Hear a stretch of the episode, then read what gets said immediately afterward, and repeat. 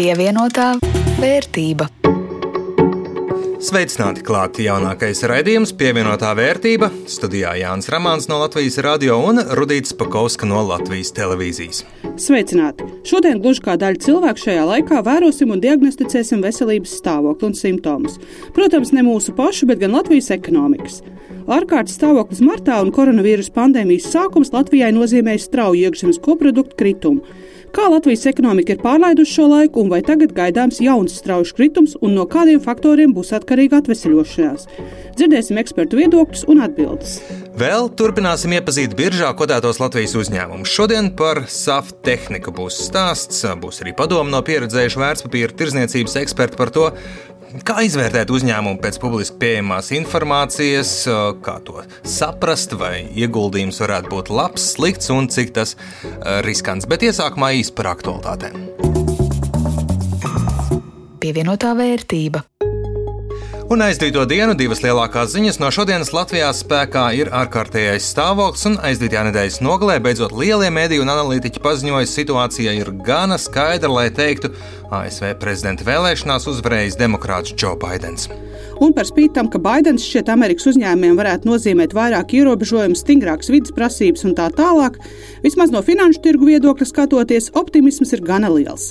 Tirgus mierina gan tas, ka demokrātu prezidentam pretī būs republikāņu likumdevējs, kas nozīmē, ka agresīvas un straujas izmaiņas būs mazāk iespējams, gan arī tas, ka vēlēšanu un balsu skaitīšanas ASV neskaidrības laiks ir beidzies.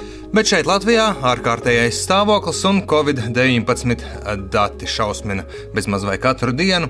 Atgādināšu, starp ierobežojumiem no šodienas arī aizliegti publiski pasākumi, liekts strādāt naktsklubiem, diskotēkām, spā centriem, akvaparkiem un tā tālāk. Aizliegt arī spēļu zāļu darbība, bet restorānu un kafejnīcas ēdienu var tikai piedāvāt līdzņemšanai. Daudziem uzņēmumiem un strādājošiem laba ziņa noteikti ir tā, ka darbu turpinās bērnu dārzi, un skolās no 1 līdz 6 klasē mācības notiks klātienē. Nu, izņemot tos gadījumus, ja visa klase kā kontaktpersonas būs pašizolācijā. Tātad cilvēki varēs turpināt doties uz darbu, jo nebūs jāpaliek mājās pieskatīt bērni vai piestrādāt par skolotāju palīgiem attālinātu mācību laikā. Vai pat ja nedosies uz darbu, būs vismaz pāris stundas, kad nebūs riska, ka jaunā paudzes svarīgas video konferences laikā ieskries kadrā, lai pieprasītu pieprasīt mammas vai tēta uzmanību. Arī šoreiz līdzās ierobežojumiem tiek solīti atbalsta pasākumu ierobežojumi skartajām nozarēm. Kādi tieši To soli izziņot šonadēļ, izskanējis, ka atgriezties varētu dīkstāvs pabalsts šoreiz gan noteiktām nozarēm, nevis pilnīgi visiem. Finanšu ministrs solījis arī tiešu finanšu pabalstu uzņēmumiem, kas kompensētu apgrozījumu kritumu. Nu, citējot finanšu ministru, tuvojas ziemu un apkurss sezona. Rēķins par siltumu un citām lietām uzņēmums saņems tik un tā. Strādā un pelna uzņēmums vai arī nē. Naudas tam šobrīd ir gana, bet, ja kas, meklēšot vēl. Jo būsim godīgi, šajā krīzē lielā mērā nošķaudīties uz fiskālo disciplīnu. Kad deg māju, tu neskraidi apkārt taisnojot gleznas pie sienām, tu dari, ko vari, lai izglābtos pievienotā vērtība. Bet kādu ietekmi ekonomikā no šīs otrās ārkārtējās situācijas viena gada laikā gaidīt? Martā trieciens ekonomikai bija strauji, bija skaidrs, ka gluži kā liela daļa pasaules arī Latvijā par izaugsmu šogad varam aizmirst. Ekonomisti prognozēs pat vidēji ļoti pesimistiski skaitļi - mīnus 10% kritums salīdzinot ar pērno gadu. Gada nogali jau ir tuvāk, un līdz ar to arī šī gada rezultātus prognozēt ir vienkāršāk. Tagad Latvijas Banka iekšzemes koproduktu kritumu prognozē 5% apmērā, un līdzīgi domā arī Latvijas lielāko komercbanku Svetbanka, Citadels, Nordea un SEB bankas analītiķi. Tātad šim gadam ekonomikas iekšzemes koproduktu prognozes uh, mēs neesam mainījuši, un tas ir uh, nu, tādu divu faktoru ietekmē. Pirmkārt, eh, tas trešais ceturksnis atkopšanās bija ļoti strauja un īstenībā labāk nekā mēs gaidījām. Savukārt ceturtais ceturksnis, protams, nāk ar uh, savām uh, problēmām un ar, ar lielu vīrusu uzliesmojumu, un līdz ar to mums tā, tas stāsts par to ziemas mēnešiem veidojas negatīvāks. Un tāpēc šī gada prognoze nav mainīta un atstāta šo 5% krituma apmērā. Savukārt nākamajā gadā uh, tā izaugsme sanāk, ka pabīdās nedaudz tālāk uz priekšu un atkopšanās. Un izaugsmes prognozes par nākamo gadu ir samazināts līdz 3,1%. Ap mīnus 5% šogad. Drusku, drusku pasliktinājusies jaunāko ziņu ietekmē, bet trešais ceturksnis izrādījās gluži labs. Līdz ar to tie būs apmēram tie paši mīnus 5%.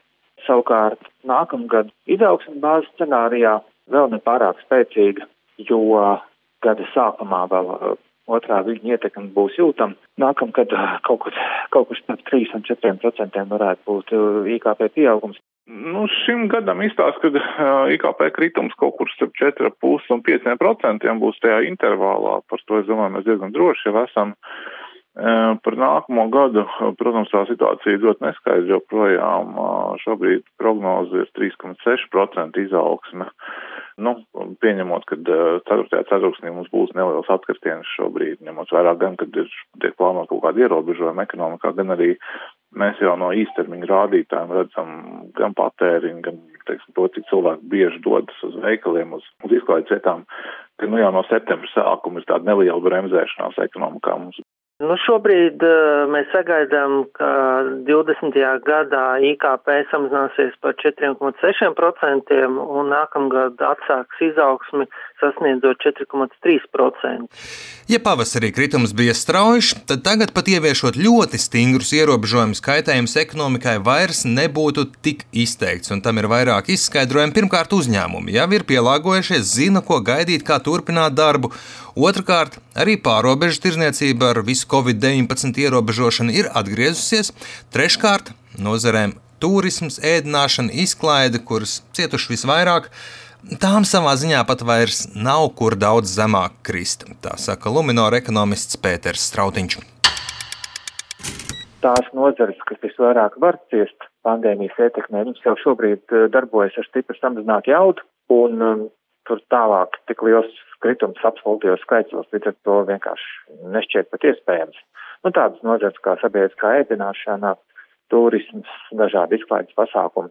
Tad tālāk vairs īsti nav kur krist. Savukārt eh, preču ražošanas nozares pēc neliela šoka pandēmijas sākumā ir atguvušās un viņas ir eh, pierādījušas, ka viņas spēja ļoti labi sadzīvot ar šo stāvokli. Un ir vairākas nozars, kas pat ir ieguvušas no pandēmijas. Pārtiks ražotāji daži Šķiet, ka kokapstrādē tas nav nācis tas slikti. Ķīmiskai rūpniecībai ļoti labs laiks, Latvijas elektronikai arī ļoti labs laiks. Esam bieži dzirdējuši, ka ierobežojumi nāk par sliktu ekonomikai un ka valdībām jāatrod tāds zelta vidusceļš starp ekonomikas nenobeigšanu un covid-19 izplatības ierobežošanu. Tā ir loģikas kļūda un viltus dilēma, tā saka visi manis aptaujātie eksperti, jo tagad pieredze rāda, neatkarīgi no ierobežojumiem, vai tas ir Zviedrijas, Izraēlas, Čehijas modelis, netik daudz paši ierobežojumi beidz nost ekonomiku, cik Covid-19 izplatība ir pie vainas, jo nekontrolējamāka situācija, jo dārgāk tā izmaksā ekonomikai. Tā norāda Citadels ekonomists Mārtiņš Āboliņš. Nu, es domāju, ka šeit uh, nav tādas īsti izvēles starp ekonomiku vai, vai nē, jo beig beigās nu, pie kaut kāda līmeņa jau arī cilvēks sabīsies. Un tā mana bāža ir, uh, bet tā bāža, nu, atkal tur, tur jāstāsta ar, teiksim, arī epidemiologiem, ka ja mēs to situāciju aizlaižam pārāk tālu, tad mums pēc tam vajag vēl nu, tādus stingrākus tos ierobežojumus, jo faktiski nu, tas pamatrisks ir veselības aprūpas sistēma, kas var vienkārši to slogu neizturēt. Un ja mēs to, to, to situāciju laicīgi nenokontrolējam, tad, tad vēlāk varbūt tie, tie ierobežojumi būs nepieciešami gan smagāk, gan ilgāk, jo, ne, un tad tas ir īstenībā vēl sāpīgāk ekonomikai. Šajā brīdī, kad faktiski to dara tā arī cits Eiropas valsts, nu, varbūt, ka ir zinām loģika. Protams, tas viss skaita ekonomikai. Tam, tas, tas, kas man liekas, ir tā varbūt labā ziņa. Mēs vasarā redzējām, ka, teiksim, pakalpojumu nozars, kuras vismagāk skār, tiklīdz mums ļauj epidemioloģiskā situācija, tur tie uzlabojumi ir ļoti strauji. Ir atkopšanās gan izklaidē, gan turismā. Nu, teiksim, pat vasaras sezona bija labāka nekā varēja gaidīt. Tāpēc es domāju, tik līdz varēs, tā tās nozares darbosies, bet jautājums, kā mēs tiekam līdz tam brīdim, kad varēs. Jā, bet Zviedrija, Zviedrija sauc man iekšējā balss un sociālos tīklos lasītais. Pie mums ir vairākas Zviedru bankas, un viens no tām Seibankas ekonomists Dainis Gašpuits saka, viņu ekonomikai neklājas daudz labāk. Piemēram, tāpat Zviedrija šobrīd arī tomēr, nu, sāk ieviest arī ierobežojums, varbūt ne tādā mērā kā viena otra citu valsts, bet, nu, arī tomēr saprot, ka tas, teiksim, to nevar laist pašplūsmā, ka kaut kādā mirklī šī ekonomiskā seks ir diezgan, nu, jau pārsniedz to punktu, nekā, ja mēs to daram kontrolēt. Un to, protams, ir ļoti grūti pieņemt, ja, apzināties un visiem izskaidrot, jo, protams, ka tās sabiedrības daļas, kuras skar tieši ierobežojumi, protams, nu, nu, kā teiks, nu, teiksim tā, tur šī neapmierinātība rodās vislielākā, jā, bet, nu, mums šeit tomēr jāskatās visas ekonomikas un visas sabiedrības interesēs un, teiksim, tādā ilgākā termiņā. Lai gan ekonomikas kritumam pandēmijas apstākļos ir vairāk sakara ar Covid-19 izplatības intensitāti un mazāk ar valdības lēmumiem vai tās uzliktiem vai neuzliktiem ierobežojumiem, tomēr valdības spēja ātri rīkoties un pieņemt pārdomātus lēmumus ir izšķiroši svarīgi. Ja ne tieši tagad, tad ilgtermiņā un jau domājot par atkopšanos, tā saka Svetbanka galvenā ekonomiste Līva Zorgenfreja. Šī krīze ir tāda, kurā valdības spēlē ļoti lielu lomu un uh, tas uh, var palīdzēt ekonomikai daudz mazāk ciest un daudz straujāk atkopties, un no otras puses, tas, protams, var, teiksim, novēloti lēmumi, tāda ilga gumijas stiepšana noteikti var rezultēties daudz trakākā situācijā gan veselības jomā, gan arī tās ekonomikas krīzes jomā. Līdz ar to tas būtu ļoti svarīgi, kā tās darbības tomēr notiek ātri, lēmumi par gan par atbalstu piešķiršanu, gan arī tādas skaidrs plāns, ko mēs darīsim turpmāk un kāds būs gan šis atbalsta plāns, gan arī šis eh, vīrusu apkarošanas plāns. Un tas būtu noteikti svarīgi, lai ieviestu kaut nelielu skaidrību šajā grūtajā un eh, neskaidrajā laikā pievienotā vērtība. Laiks pievērsties akciju tirgiem, kas ir arī labs indikators tam, kas notiek ekonomikā. Un, ja pavasarī kritums akciju tirgos visā pasaulē bija strauji un izņēmums nebija arī Baltija, tad tagad, kad atkal gan Latvija, gan Lietuva dodas ārkārtas stāvokļa režīmā, biržā ir daudz lielāks miers un stabilitāte nekā pavasarī. Un mēs arī turpinām veidot savus akciju portfeļus, un turpmāko divu nedēļu laikā jau būsim gatavi arī jums to klausītāju atrādīt. Es esmu ieguldījis jau 150 eiro, apmēram pusi no mūsu norunātā limita, un šobrīd pavisam reāli sapratu, ka um, Tie nav tikai cipariņi internetbankā, jo saņēmu arī ielūgumu uz akcionāru sapulci uzņēmumā, ar kuru iepazīstināsim šodien arī jūs, klausītāji. Jo pirms kaut kur ieguldīt savu naudu, būtu vēlams saprast, ar ko vispār uzņēmums nodarbojas un kā tam sokas un iepazīstināsim jūs arī ar vienu no atpazīstamākajiem Rīgas biržas uzņēmumiem - Saftehnika. Uzņēmums Latvijā un Eiropā ražo datu pārraides iekārtas un pārdod vairāk nekā 130 pasaules valstīs. Biržā ir jau vairāk nekā 15 gadus, un tam pieder arī divi meitas uzņēmumi Ziemeļamerikā. Bez nosaukumiem un vēstures produkta būtiskāko gan pasaka uzņēmumu finanšu pārskatu, un jaunākie auditētie pārskata dati liecina, aizdītajā finanšu gadā uzņēmums apgrozījis 16,7 miljonus eiro, tas ir par 16% vairāk nekā 2019. gadā. Ne tikai apgrozīts, bet arī nopelnīts ir vairāk - 470 tūkstoši eiro. Un plašāk par uzņēmumu dividendžu politiku un ceļu līdz biržai dzirdēsim Lindas Zalānas sagatavotajā ierakstā.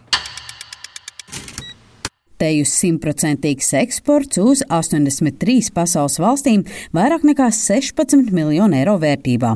Tāda ir SAF tehnika 2019. 20. finanšu gada rādītāji. Pārskata periodā investēta teju 430 tūkstoši eiro. Uzņēmums turpina darbu pie jaunā lietu interneta vides monitoringa risinājuma ARANET funkcionalitātes izstrādes un attīstības, turpina SAF tehnikas valdes priekšsēdētājs līdzīpašnieks Normunds Bergs. Arane 4 šobrīd ir vislabāk pārdotais produkts, un tas ir gaisa kvalitātes mērķis, CO2 mērķis, kam būtu jāatrodas visās skolās, visās klasēs, birojos, mājokļos. Tā skaitā Latvijas rādio studijā. Bergs atskatās pagātnē un pastāsta, kādēļ 2004. gadā uzņēmums nolēma sākt akcijas kotēt Nasdaq Rīga. Kādreiz tā tehnika bija Baltijas lielākā IT koncerna Mikrolinks sastāvdaļa un mikrolinkā bija riska kapitālisti investējuši. Un 2004. gadā faktiski tam riska kapitāla fondam pienāca derīguma termiņa beigas, viņiem bija jālikvidējās un jāizpārdod akcijas tajos uzņēmumos, kur viņi bija investējuši.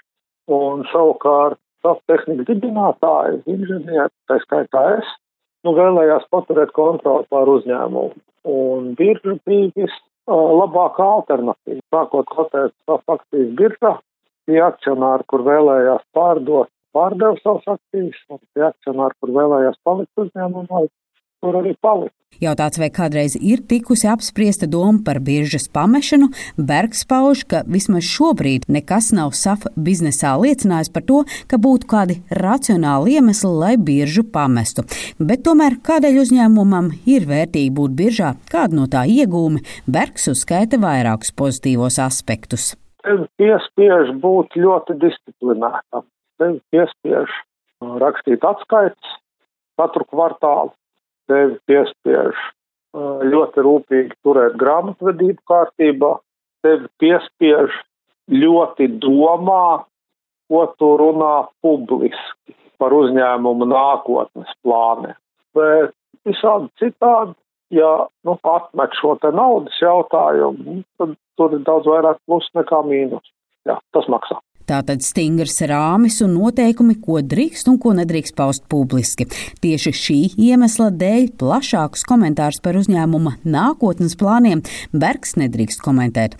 Jautāts, vai kādreiz ir gadījies pateikt vairāk nekā drīkst? Jā, ir tādas divas reizes. Tu aizraujies runājot ar žurnālistu, pasaki kādus trīs teikumus, un, un jā, par to var dabūt vēl sodus. No kļūdām jau tikai mācās. Nē, ar naudas sodiem mēs neesam sodīti. Mēs esam sodīti ar mutiskiem un rakstiskiem aizrādījumiem un brīdinājumiem.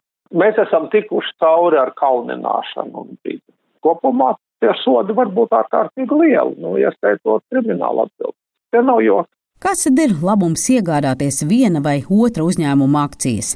Viena no motivācijām un labumiem, ja esi labi strādājošam uzņēmumam akcionārs, tad var cerēt uz dividendēm, un tās SAF tehnika izmaksās arī par 2019. un 2020. finanšu gadu. Proti mātes kompānijas akciju sabiedrības SAF tehnika apgrozījums pērn sasniedza 13,8 miljonus eiro, bet peļņa veidoja vairāk nekā 470 tūkstoši eiro, un SAF tehnika kas valde ierosina peļņu izmaksāt dividendēs. Bergs stāsta, kāda ir uzņēmuma dividendžu izmaksas politika. Mēs jau 16 gadus turam diezgan lielas uh, naudas rezerves, tā saucamo drošības pilvenu uzņēmumu kontos. Krīžu gadījumiem, kā tirgus krīt vai pārdošana neveicās, un mums ir pietiekoši daudz naudas, lai mēs varētu pusotru gadu stabili, bez problēmām maksāt cilvēkiem algas un visus pārējos izdevumus. Un tas ļoti, ļoti, ļoti palīdzēja 2008. gada krīzes pārvarēt. Tanī pašā laikā, ja gads ir labs un nopelnīts ir pietiekoši daudz, Vēl ārpus šīm rezervēm, tad mēs esam godīgi kā pulkstenis uh, maksājuši akcionāriem arī dividendus. Normunds Bergs akcentē, ka akciju cenu svārstības uzņēmums būtībā neizjūt, un tas nedz īstermiņā, nedz ilgtermiņā operatīvo darbību neietekmē. Protams, līdz brīdim, kad uzņēmums nevēlas izdot jaunas akcijas un piesaistīt naudu, tad akciju cena kļūst ļoti būtiska. Vistiešākā veidā akciju cenu ietekmē uzņēmumu peļņas rādītāji, nozara, kurā tas darbojas, akcionāru vai biržas analītiķu vērtējums, kādas ir pozīcijas un iespējas šai nozarei nākotnē. Arī ziņas par tirgiem, par jauniem produktiem ir svarīgas. Ceļa virzienu izvērtēšanai, kuros uzņēmumos ir vērts ieguldīt ilgtermiņā, sniedz Svetbank finanšu tirgus daļas investīciju jomas vadītājs Oļeks Jemeļjānovs. Cilvēkam, ja viņš domā ieguldīt kaut kādu kontraktu, mēs runājam par saptehniku, jāpieņem lēmums, ok, šī nozara arī tā, šī nozara ir stabila, darbos jau ilgus gadus, varbūt tur nebūs izaugsmes kaut kādas fantastiski divas, trīs reizes gadā, bet viņa tāda stabila auga ir stabils pieprasījums. Lasīt par to, kas notiek šajā nozarē, kādas ir šīs nozares perspektīvas, ko dara šī uzņēmuma konkurenti, kur atrodas galvenie, tas ir noieta tirgi, kas notiek varbūt ģeopolitiski pat. Tas, sakot, ja jūs plānojat veidot savu portfeli no ilgtermiņa perspektīvas, tad jums vajadzētu arī daudz vairāk pievērst uzmanību tieši šiem garlaicīgiem, es atvainojos, bet tomēr fundamentāli faktori. Tātad vēsi racionāli vērtēt uzņēmumu no nākotnes perspektīvas viedokļa un, protams, riska diversificēšana, jeb vienkāršot izsakoties olu salikšana dažādos groziņos, ir Svetbanka eksperta ceļa maize tiem, kas vēlas nevis īstermiņā viņa vārdiem paspēlēties akciju tirgu, bet gan darboties tajā ilgtermiņā ar mērķi nopelnīt. Linda Zalāne, Latvijas radio pievienotā vērtība. Arī turpmākajos raidījumos iepazīstināsim jūs ar biežāk kotētajiem uzņēmumiem un kā tos vērtēt. Bet šonadēļ tas arī viss. Raidījumu veidoja Rudīts Pakausks no Latvijas televīzijas un Jānis Ramāns no Latvijas radio. Kaspars Groskaps parūpējās par labskanību, bet šos un arī citus pievienotās vērtības raidījumus varat atrast un noklausīties arī populārākajās podkāstu vietnēs. Uz tikšanos pēc nedēļas!